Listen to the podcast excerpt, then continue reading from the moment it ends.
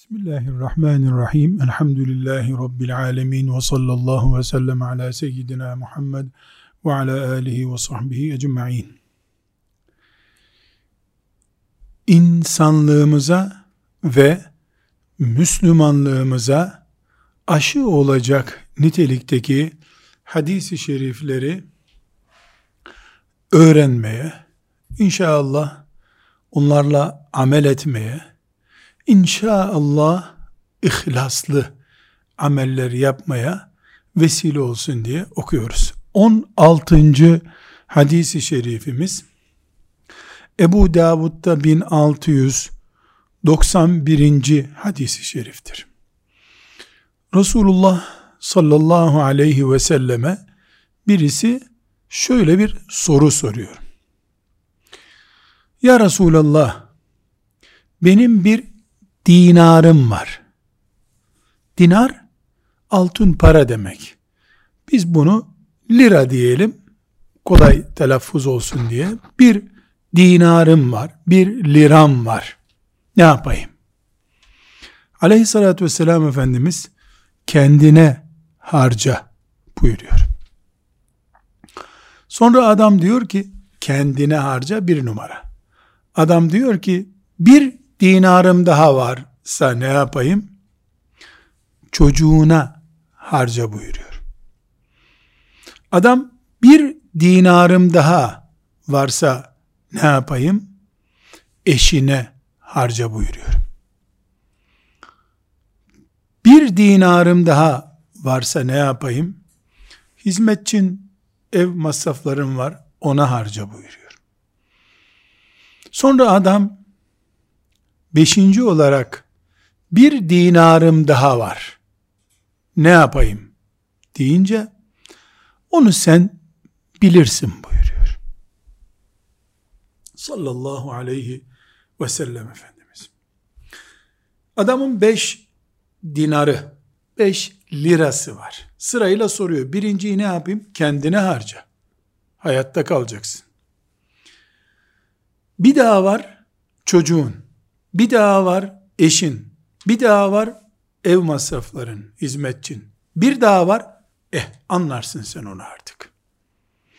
Anlarsın bölümünde sadaka var, iyilik var, hediye var, birikim var.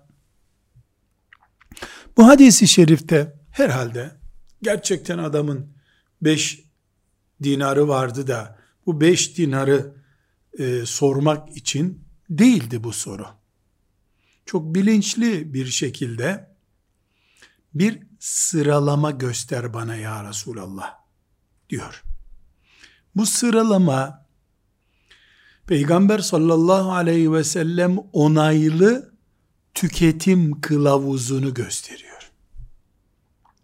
İnsan demek ki sağlığı ve canıyla ilgili yatırımları öne çıkarması lazım sonra çocuğuyla ilgili, sonra eşiyle ilgili, sonra ev masrafları ile ilgili, ondan sonra fazlası var, ek projeler üretebilir bu. Bu hem ekonomide hem yaşantıda Müslümanın bir öncelikli sıralaması olduğunu gösteriyor. Burada bize sorulsaydı belki öncelikle hemen çocuklarını harca der zannederdik. Ama hasta, ayakta duramaz bir baba çocuğuna ne hayrı olacak ki? Bir de bu mantıkla bakmamız lazım. İbadetlerde de bu sıralama vardır. Önce sorulduğunda namaz diyor. Hiç zekat öne geçmiyor. Namaz diyor. İbadetin de sıralaması var. Ahlak ve ibadet yan yana gelince ibadet öne geçiyor. Ahlak ve günlük hayat öne gelince sıra sıraya girince ahlak öne geçiyor. Müslümanın hayatında bir karmalık karışıklık olamaz. Olmamalı. Çünkü kainatı tam bir düzen içerisinde yaratan Allah, o tam düzenin dini olan İslamiyeti yaşamamızı istiyor.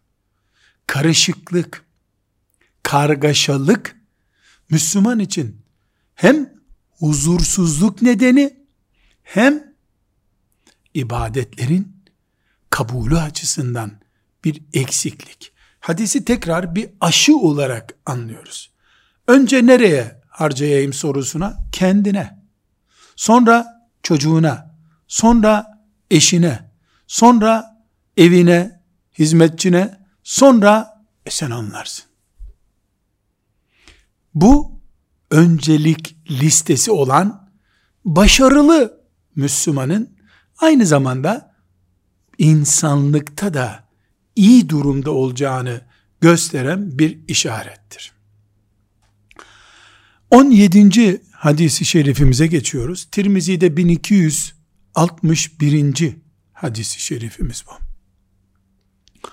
Resulullah sallallahu aleyhi ve sellem Efendimiz Allah'ın emriyle cihadı emretti insanlara ve uyguladı.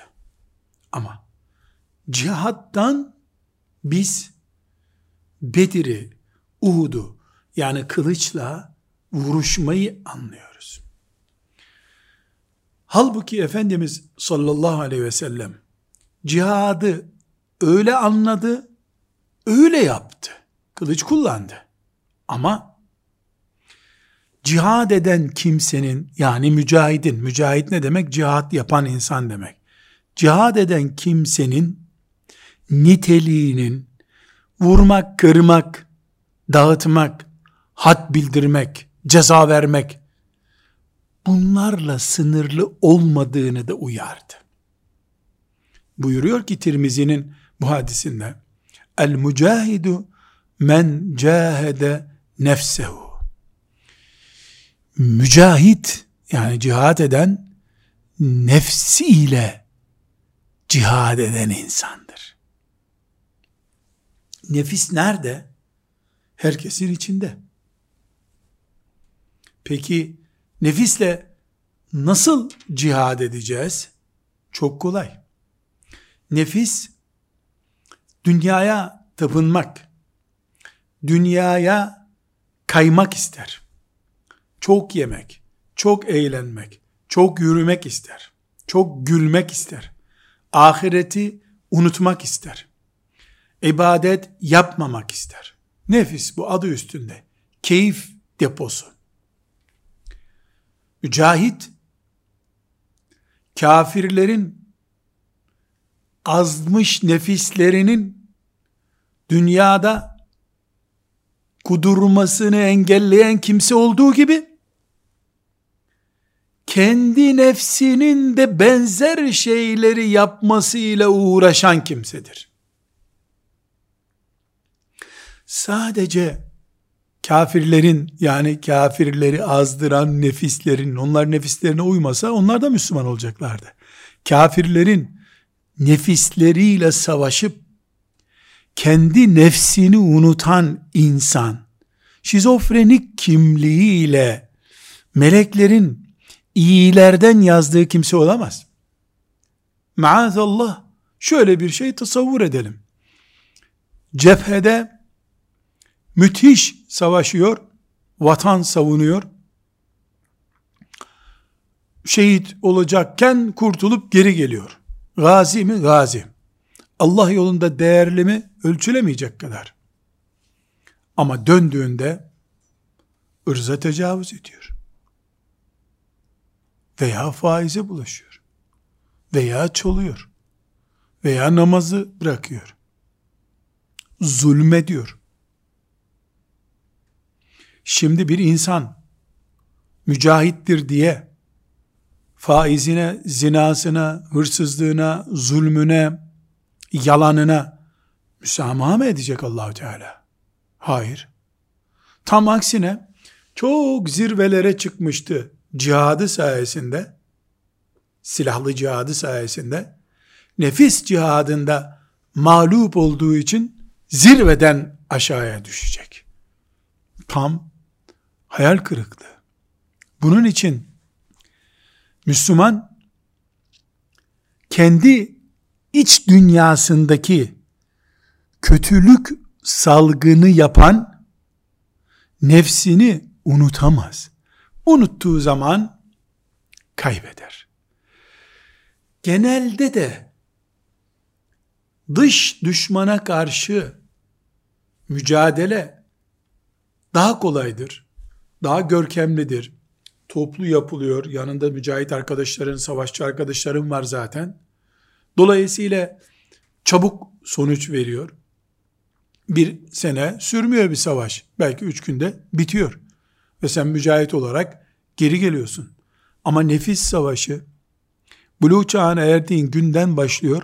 Ölünceye kadar devam ediyor ve hiçbir zaman da kesin galibiyetin olmuyor.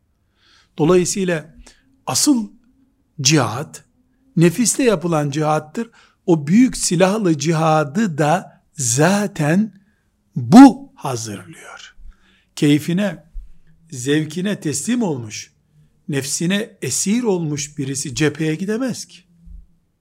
Silahla tutulup zorla götürülse bir yerden bulur kaçar. Oradaki mücahit arkadaşlarına bile zarar verebilir. O zaman biz bu hadisi şeriften 17. hadisi şeriften şu aşıyı aldık.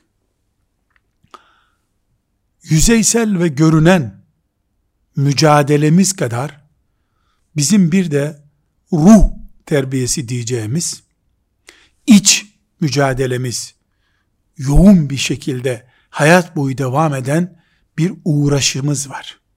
Bunu iman ettiğimiz zaman tek ayaklı kalabiliriz. Tek ayakla sekeriz ama yürüyemeyiz. Tek ayakla yürünmez. Bu aşı önemli. 18. hadisi şerifi Müslim'den 2999. hadisi şerif olarak alıyoruz. Çok meşhur, hepimizin çok iyi bildiği ama bunun bir aşı olduğuna belki dikkat etmediğimiz bir hadisi şerif. Buyuruyor ki sallallahu aleyhi ve sellem, mümin imrenilecek durumdadır. Mümin denen insan. Müminin her işi hayırdır. Ancak mümin böyle olabilir zaten. Ona kötü bir şey gelse, o gelen kötü şeyden dolayı sabreder, Allah ona sevap yazar. Mutlu, güzel bir şey gelse, ona şükreder, bu sefer yine kazanır. Çünkü bir insanın hayatı ya iyi gidiyordur ya kötü gidiyordur. Dün iyiydim veya sıkıntılıydım. Bugün iyiyim veya endişeliyim. Ama her halükarda ya sabırla yükümlüyüm ya şükürle yükümlüyüm. Ya da bir günah işlemişimdir, istiğfarla yükümlüyüm. Benim hayatımda üç şeyden başka bir şey yoktur. Çünkü iyiysem şükrediyorumdur. Kötüysem sabrediyorumdur. Hata ettiysem istiğfar ediyorumdur. E ya da öldüm. Ya da hayatta değilim. Her halükarda istiğfar ediyorsam affediyor Allah. Sabrediyorsam sevap yazıyor. Şükrediyorsam Allah şükreden kullarını seviyor sevap yazıyor. Kazançlıyım. Peki bu hadis bize hangi aşıyı yapıyor? Şu aşıyı yapıyor. Günün birinde yaşadığın hayat, evin, işin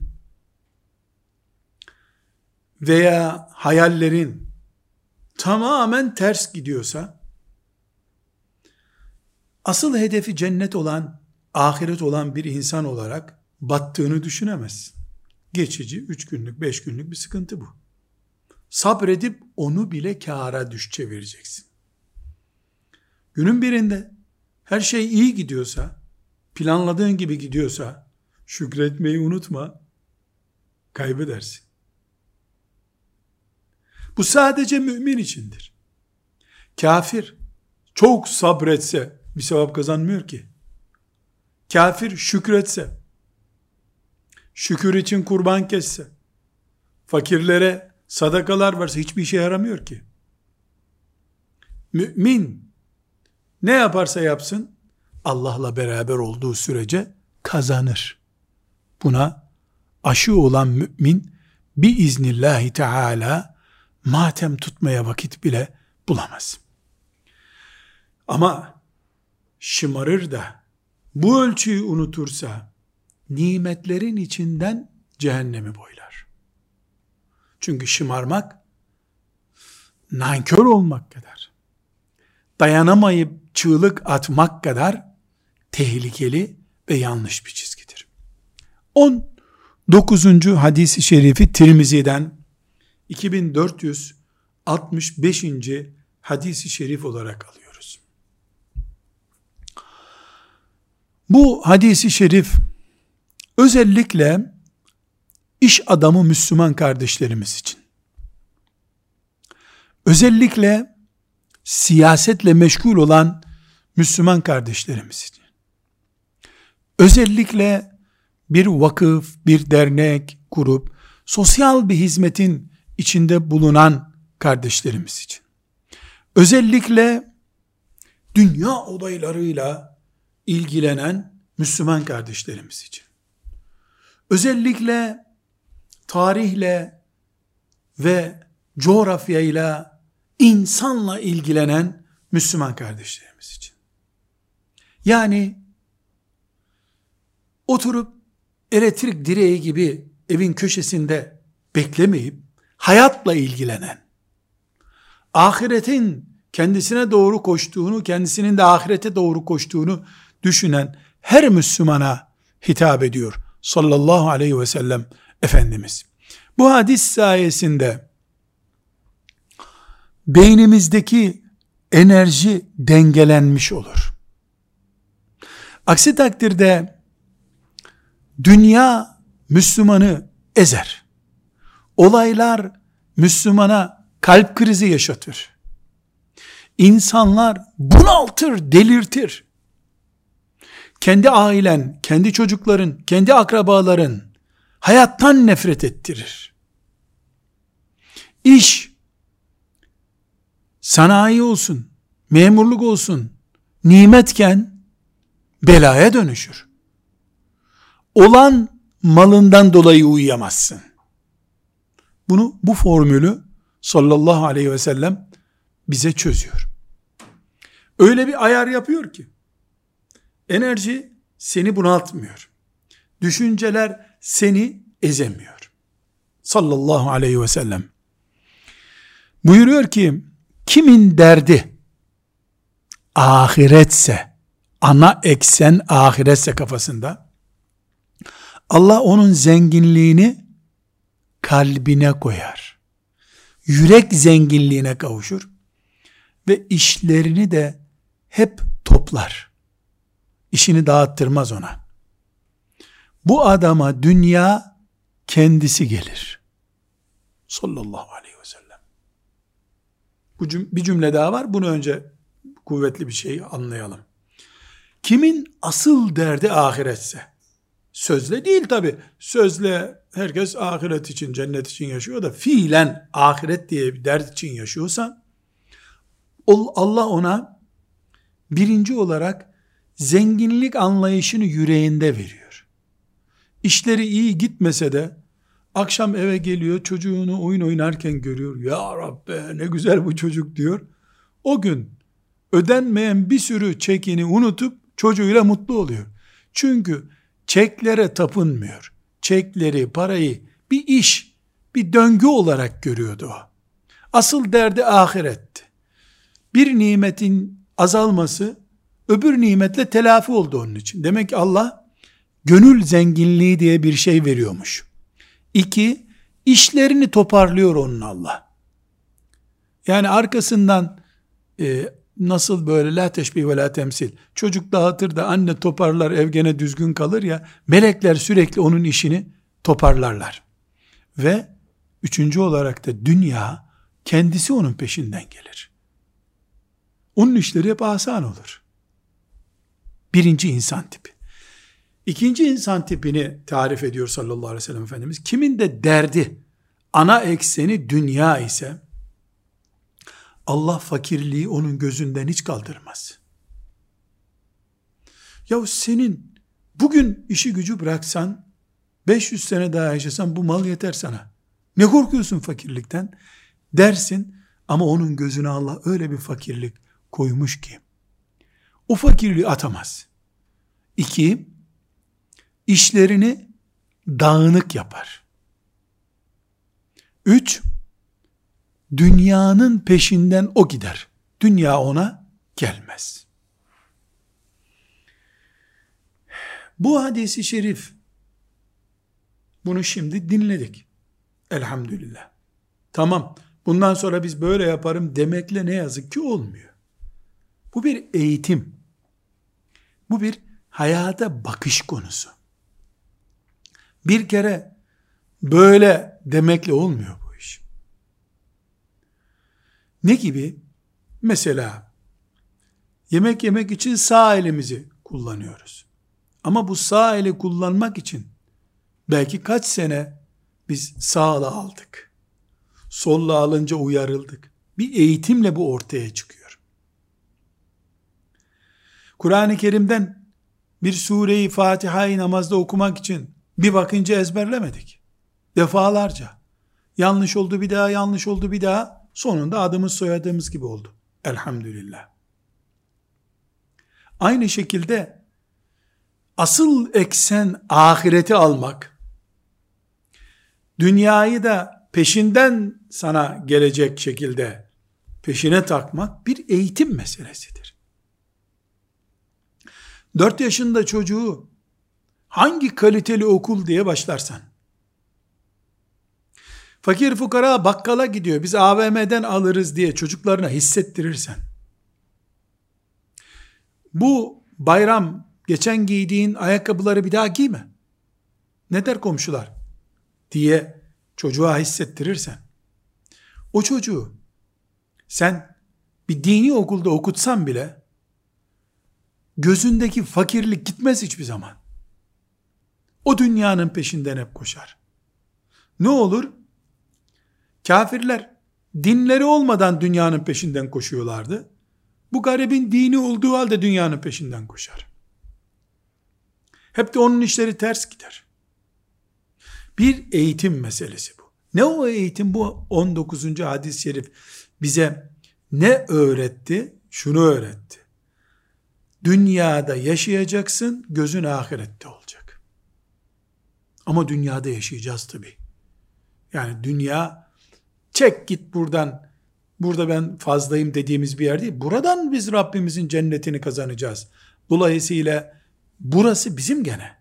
Ama gözümüz tatilde değil, cennette. Gözümüz evin havuzunda değil, cennet havzu kevserinde inşallah. Bu bir mantık meselesi. Bu çok büyük oranda ailedeki uygulamalarla çocuğa aşı olarak yansır. Aldığı eğitimle yansır. Devletten memurluk için mücadele eden, onun için diplomaya koşan birisiyle elhamdülillah bugün İmam Bukhari'nin kitabından filan hadisi öğrendik. Allah bizi onunla beraber etsin diye heyecanlanan talebenin sonuçları aynı değil. Ama Müslümanlık meselesini konuşmuyoruz şüphesiz. Yani bunun birincisi Müslüman, ikincisi kafir manasında değil. İşlerin iyi gitmesi, gitmemesi, ahirete hangi noktadan bakıyoruz? Bakış açımızla ilgili bir mesele. 20. hadisi şerife gelelim. Resulullah sallallahu aleyhi ve sellem Bukhari'de 3124 numaralı hadis, Müslim'de de 1747 numaralı hadis. Eski peygamberlerden birisinden örnek veriyor. Bu örneği niye veriyor? Bir peygamber sallallahu aleyhi ve sellem kendinden önceki peygamberden niye alıntı yapar? demek ister ki ben de böyleyim. Onun için alıntı yapar. Çünkü peygamberlerin davaları aynı. Dinleri, imanları aynı. Allah'a bağlılıkları aynı. Şeriatlarındaki bazı fıkıh hükümlerinde allah Teala'nın zamanla kaldırdığı, yenisini verdiği şeyler var. Her şey Allah'a bağlılık, iman, dünya, hayatı, ahlak, ibadet, hepsi aynı bunların. Dolayısıyla Resulullah sallallahu aleyhi ve sellem Efendimiz peygamberlerden biri demişti ki buyurduğu zaman yani bu size de söylenmiş gibidir aman bunu iyi alın buyurmuş olur. Şimdi olay şu peygamberlerden biri gazveye çıkacak. Gazve ne? Cihat, silahlı cihada çıkacak. Mesela işte A noktasından, A şehrinden B şehrine gidecek. Ona iman edenlerle ordu kurmuş. Diyelim ki şehrin merkezinde e, karargah kurmuş, orduyu toplamış. İşte sabah namazından sonra mesela yola çıkacaklar. Onlara son bir konuşma yapıyor. Diyor ki bana bakın. Üç tip insan benimle gelmesin buyuruyor. Üç tip insan benimle gelmesin. Şimdi mesela orada bin kişi var. O bin kişinin içinden nasıl diyoruz ki biz yaşı 20'yi tutmayanlar çekilsin, 60 yaşını geçenler çekilsin. O da böyle üç kategori getirmiş. Bu üç kategoriden olanlar gelmesin benimle buyurmuş. Birincisi bir kadınla nişanlanmış birisini istemiyorum. İkincisi bir yerde bir ev yapan evini de tam bitirememiş birisi de benimle gelmesin. Üçüncüsü koyun sürüsü olup da o koyunlarının kuzulama vakti gelen varsa o da gelmesin. Bu üçünü de istemiyorum. Ama dikkat edelim. Yani bunlar dinden çıktı, bana iman etmediler diye değil. Ölesiye samimi şehit olmak için gidilecek bir cihattalar. Din bu. Dini savunacaklar. Ama üç tip insanı istemiyor. Bir, gönül aşk hikayesi olan birini istemiyor. Gayrimenkule yatırım yapmış birisini istemiyor. Hayvanlarla bağlantılı kuzulam, kuzulayacak hayvanlar, işte 50 tane koyun kuzulayacaktı, inekler buzağılayacaktı, vakitleri gelmişti. Ne oldu, ne oldu onlar şimdi? Acaba kuzuladılar mı? Diyecek endişede birisini istemiyor. Neden? Çünkü Allah için sürdürülecek davalar bu tür takıntılı insanlarla yürümez. Onun için Efendimiz sallallahu aleyhi ve sellem ashab-ı kirama peygamberlerden biri böyle demişti ümmetine buyurdu. Peki bunun aşılık bölümü nerede? Şurada. Biz kendimizi veya çocuklarımızı veya kurduğumuz dernekleri, vakıfları dinimize hizmet ettirmek için uğraşırken çocuğumuz mücahit olsun düşünürken Mesela bu ara çok böyle konuşulduğu için örnek olarak zikredeyim. İşte biz evleniyoruz, Allah için yuva kuruyoruz. Bu yuva İslam'a hizmet edecek diye konuşurken öyle değildir diye demiyorum ama yani bunun ayrıntısına giriyoruz. Şeytan bu üç temel noktadan biriyle bağlantı kurduysa bizden biz bu işte başarıyı çok zor yakalarız. Gönül aşk hikayesi girince asıl o olur. Öbürü yan hizmet olur. Gayrimenkul sevdası, taksit ödüyorsun. İşte şurada şu açtın, burada bunu kapattın. Bu haram değil şüphesiz. Evlenmek haram değil şüphesiz. Bir insanın sürüsü var, o sürüde koyunlar kuzulayacak. Bu, bu günah değil şüphesiz. Ama Allah'ın dinini yüceltmek işi bu takıntılarla olmuyor. Olmuyor. Çünkü bu üç şey günah olmadıkları halde insandaki hızı ve heyecanı azaltıyor. Burada sadece anlaşılsın diye zikretmiş olayım. Haşa bir şeyi bir şeye benzetmek böyle yetkimiz yok bizim. Mesela ben şunu tasavvur edip anlayamamışımdır hiç. İnsanlar hayatlarında bir defa hacca giderler. Rabbim hepimize hakkıyla hac etmeyi de nasip etsin duasında bulunayım. Kendim için ve bütün mümin kardeşlerim için. Bu ne demek? Annenden doğduğun yani bir saatlik çocukken ki ne kadar günahsız, tertemiz, masumsan o şekilde geri dönmek demek. Evine o şekilde döneceksin. Hakkıyla bir haç yapabilirsen.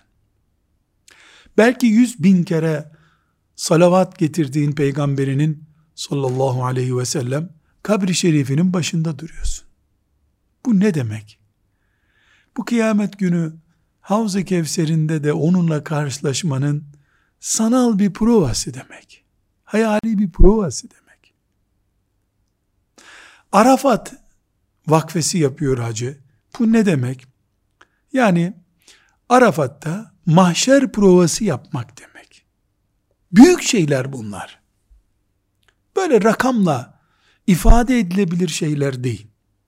Müslüman bu arada fotoğraf çekmek, video çekmek, arkadaşlarıyla, ülkesinde, eşiyle, çocuklarıyla bağlantı kurup, sizi de anıyorum burada ha filan demek için vakit bulabilir mi acaba? Bir dakika, tavaf ederken fotoğraf çektirenin haccı olmadı demiyorum. Bu haramdır, bunu yapan gitti demiyoruz. Öyle değil. Bu peygamber de siz gavursunuz, çıkın gidin ordumdan demedi zaten. Ya kalitemi düşürmeyin benim dedi. Bir ihlas ve heyecan kalitem var, düşürmeyin bunu dedi. Onu söylüyoruz. Onu söylüyoruz. Bir alimi ilk defa gören birisi o alimden hatıra fotoğrafı çekmek için mi uğraşmalı bir cümle ağzından duyayım, cennete gitmeme vesile olsun demeye mi uğraşmalı? Bu bunun cevabı. Alimle fotoğraf çektirmek günah mı? Yok canım. Onu söylemiyorum. Ama iş kaliteyi düşüren şeyler hepimizi bitiriyor. İbadetlerimizdeki kaliteyi bitiriyor. Bunu anlatmak istiyor. Onun için Resulullah sallallahu aleyhi ve sellem Bukhari ve Müslim'in müttefakun aleyh olarak rivayet ettikleri bu hadiste bize haber verdiği bu gerçek hepimizin kulağında küpe olmalı denir ya bunu unutmamalıyız. Suç değil evlenmek. Üstelik sünnet. Belki de farz. Ama sen koy bir kenara diğer duyguları ezip geçiyor o. Gayrimenkul sevdası böyle. Üretim yaptın. Tam pazarlama anındı senin. Depodan sevkiyat vardı. Koyunlar kuzulayacak yani.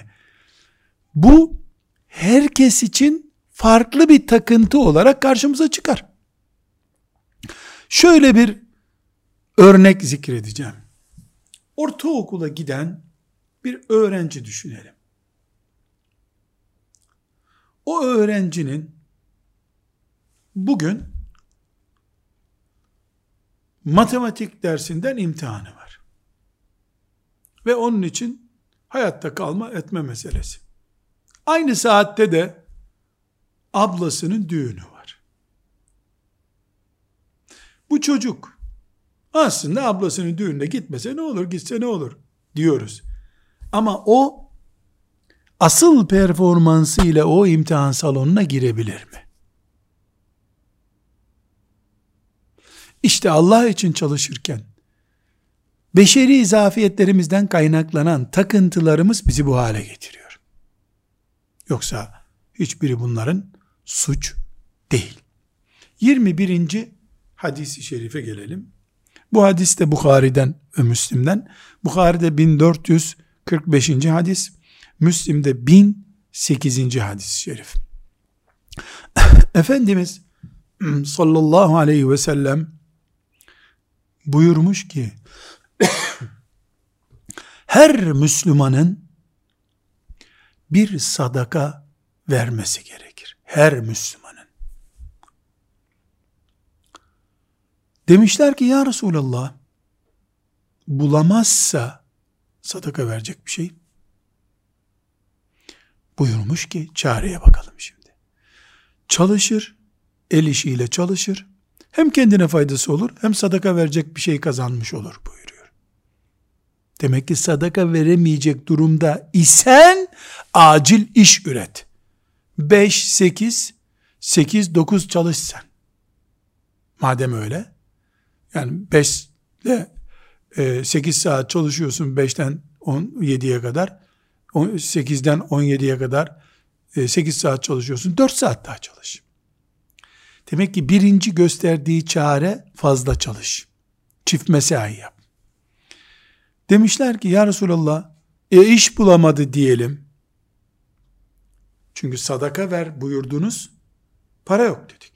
E iş bulsun çalışsın dediniz. İş bulamadı dediler. Buyurmuş ki sıkışmış birisine yardım etsin. O onun sadakası olur.